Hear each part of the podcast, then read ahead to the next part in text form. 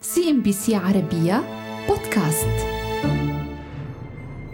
يبدو أن المصائب لا تأتي فرادى ففي الخامس والعشرين من سبتمبر من العام 2022 اندلع حريق في سوق رانجس أكبر سوق للمواد الغذائية الطازجة في العالم بضواحي باريس الجنوبية والذي يمتد على مساحة تتجاوز المئتي هكتار ويعمل به يوميا حوالي الأربعين ألف شخص.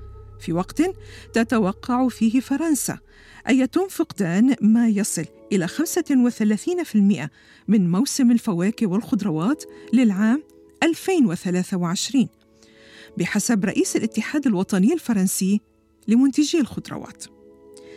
كما أن الوضع أسوأ من ذلك في إيطاليا.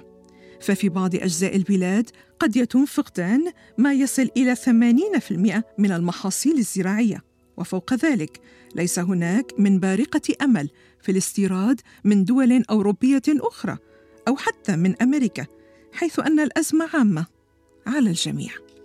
وفي ذات الإطار أعلنت شركة نورديك جرينز وهي أكبر شركة لزراعة الطماطم في السويد أنها لن تزرع محاصيل شتوية كما يجري التخلص التدريجي من البيوت البلاستيكية في هولندا.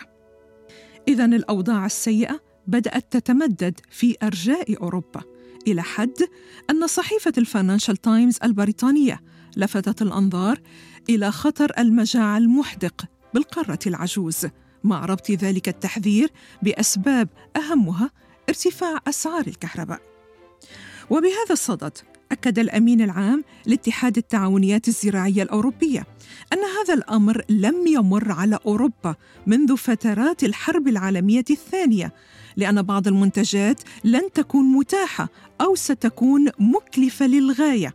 فالكهرباء تستخدم في جميع مراحل إنتاج الغذاء من التسميد إلى الحصاد ومن ثم التبريد والتخزين.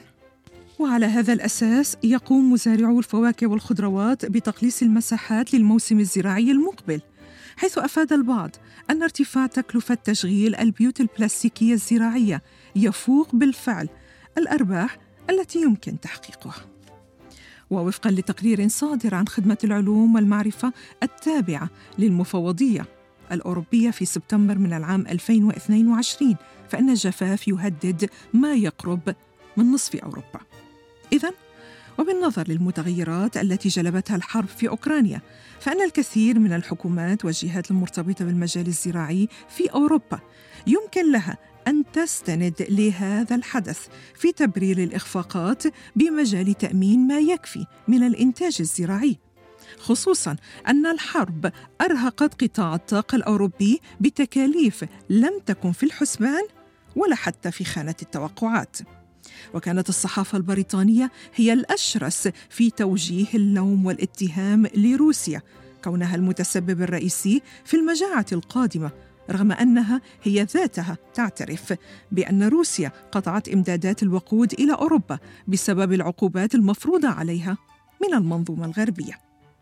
لكن بالمقابل تظهر بعض الآراء المغايرة والتي تشير إلى أن بيع موسكو لجزء من نفطها بخصم كبير لدول مثل الهند والصين وبقية الدول المسماة بالصديقه حتى ذلك من تسجيل ارتفاعات صاروخية متواصلة على أسعار السلع الغذائية وأنه بدون النفط الروسي الرخيص لكانت أسعار المواد الغذائية قد ارتفعت بشكل أكبر.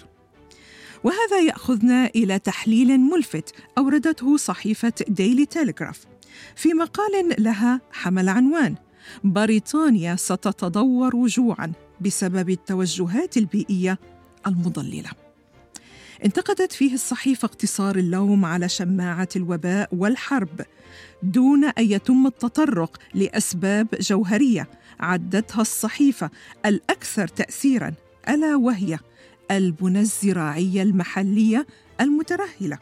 وبحسب تعبير الديلي تيليغراف فأنه ثمة اتجاه في بريطانيا للتخلي عن الأراضي الزراعية كي يتم تركيب الألواح الشمسية وغيرها مما يسمى بالضرورات البيئية. فبالإضافة إلى عوامل الجفاف تم إعطاء الأولوية لتركيب عنفات الرياح والألواح الشمسية في الكثير من الأراضي الزراعية بحسب الصحيفة. كما وتشير التقديرات أنه سيتم فقدان ما يصل إلى نصف المحاصيل في المملكة المتحدة بسبب عدم المقدرة على الري لأنه بسبب تكثيف التوجه لإنتاج الطاقة المتجددة يتم شغل مساحات أكبر من الأراضي الزراعية. مما يؤدي إلى فقدان المساكن الطبيعية للحيوانات والحياة البرية. وبهذا الصدد ذكرت دراسة علمية نشرتها دورية Nature Ecology and Evolution في نوفمبر من العام 2021 ذكرت تلك الدراسة أن مزارع الرياح تؤثر على النظم البيئية والسلسلة الغذائية بطريقة أسوأ مما كان يعتقد سابقاً.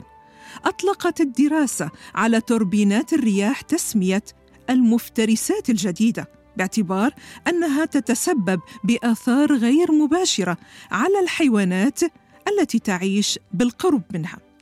لكن ورغم اجتماع كل تلك العوامل يميل عدد متزايد من الباحثين إلى اعتبار أن الجوع في العالم كان متوقعا قبل اندلاع الحرب في أوكرانيا. تم الاستناد على تدعيم تلك الفكرة عما تم هو شهر ايار من العام 2000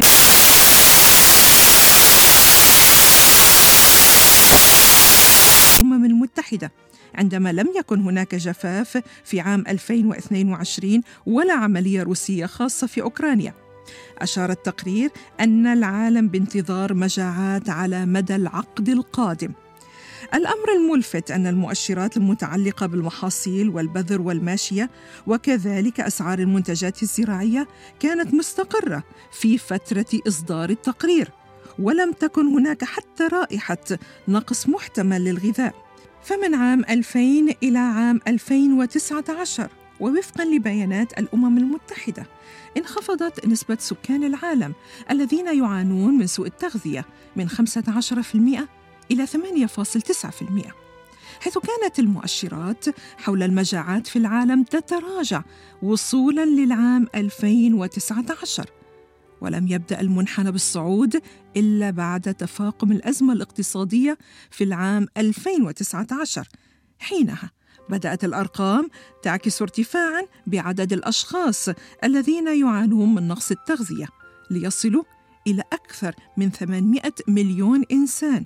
وهو أكبر عدد منذ 15 عاما وفي 2021 وقبل اندلاع الحرب في أوكرانيا ارتفعت أسعار الغذاء عالميا بنسبة 30%.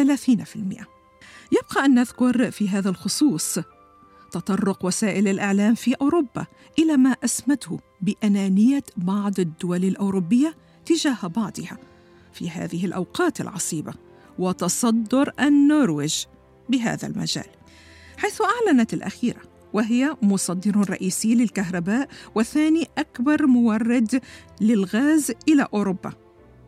أنها قد تعلق عمليات تسليمها في الأشهر المقبلة المتضمنه فصل الشتاء في 2023 والسبب هذه المرة ليس في نقص توريد الغاز الروسي بل بسبب تعرض خزاناتها المائية للجفاف التي تولد أكثر من 90% من كهرباء البلاد. وعليه تم رفع أسعار الطاقة الكهرومائية لأرقام قياسية غير مسبوقة في بلد يعوم على بحار من الثروات الأحفورية. وجه مشغلو شبكة الكهرباء في كل من الدنمارك وفنلندا والسويد. وجهوا تحذيرا لأوسلو من أن اقتراحها بوقف تصدير الكهرباء يقوض السوق الأوروبية وصفين النرويج بالأنانية. مع تسليط الضوء كذلك على التشكيك باستمرار اتكالية أوروبا على بلد وصفته بأنه يفتقر للبنية التحتية لمسألة الترابط بين مناطق البلد الواحد في إشارة لاختلاف هذا الأمر بين شمال وجنوب النرويج. CNBC عربية بودكاست.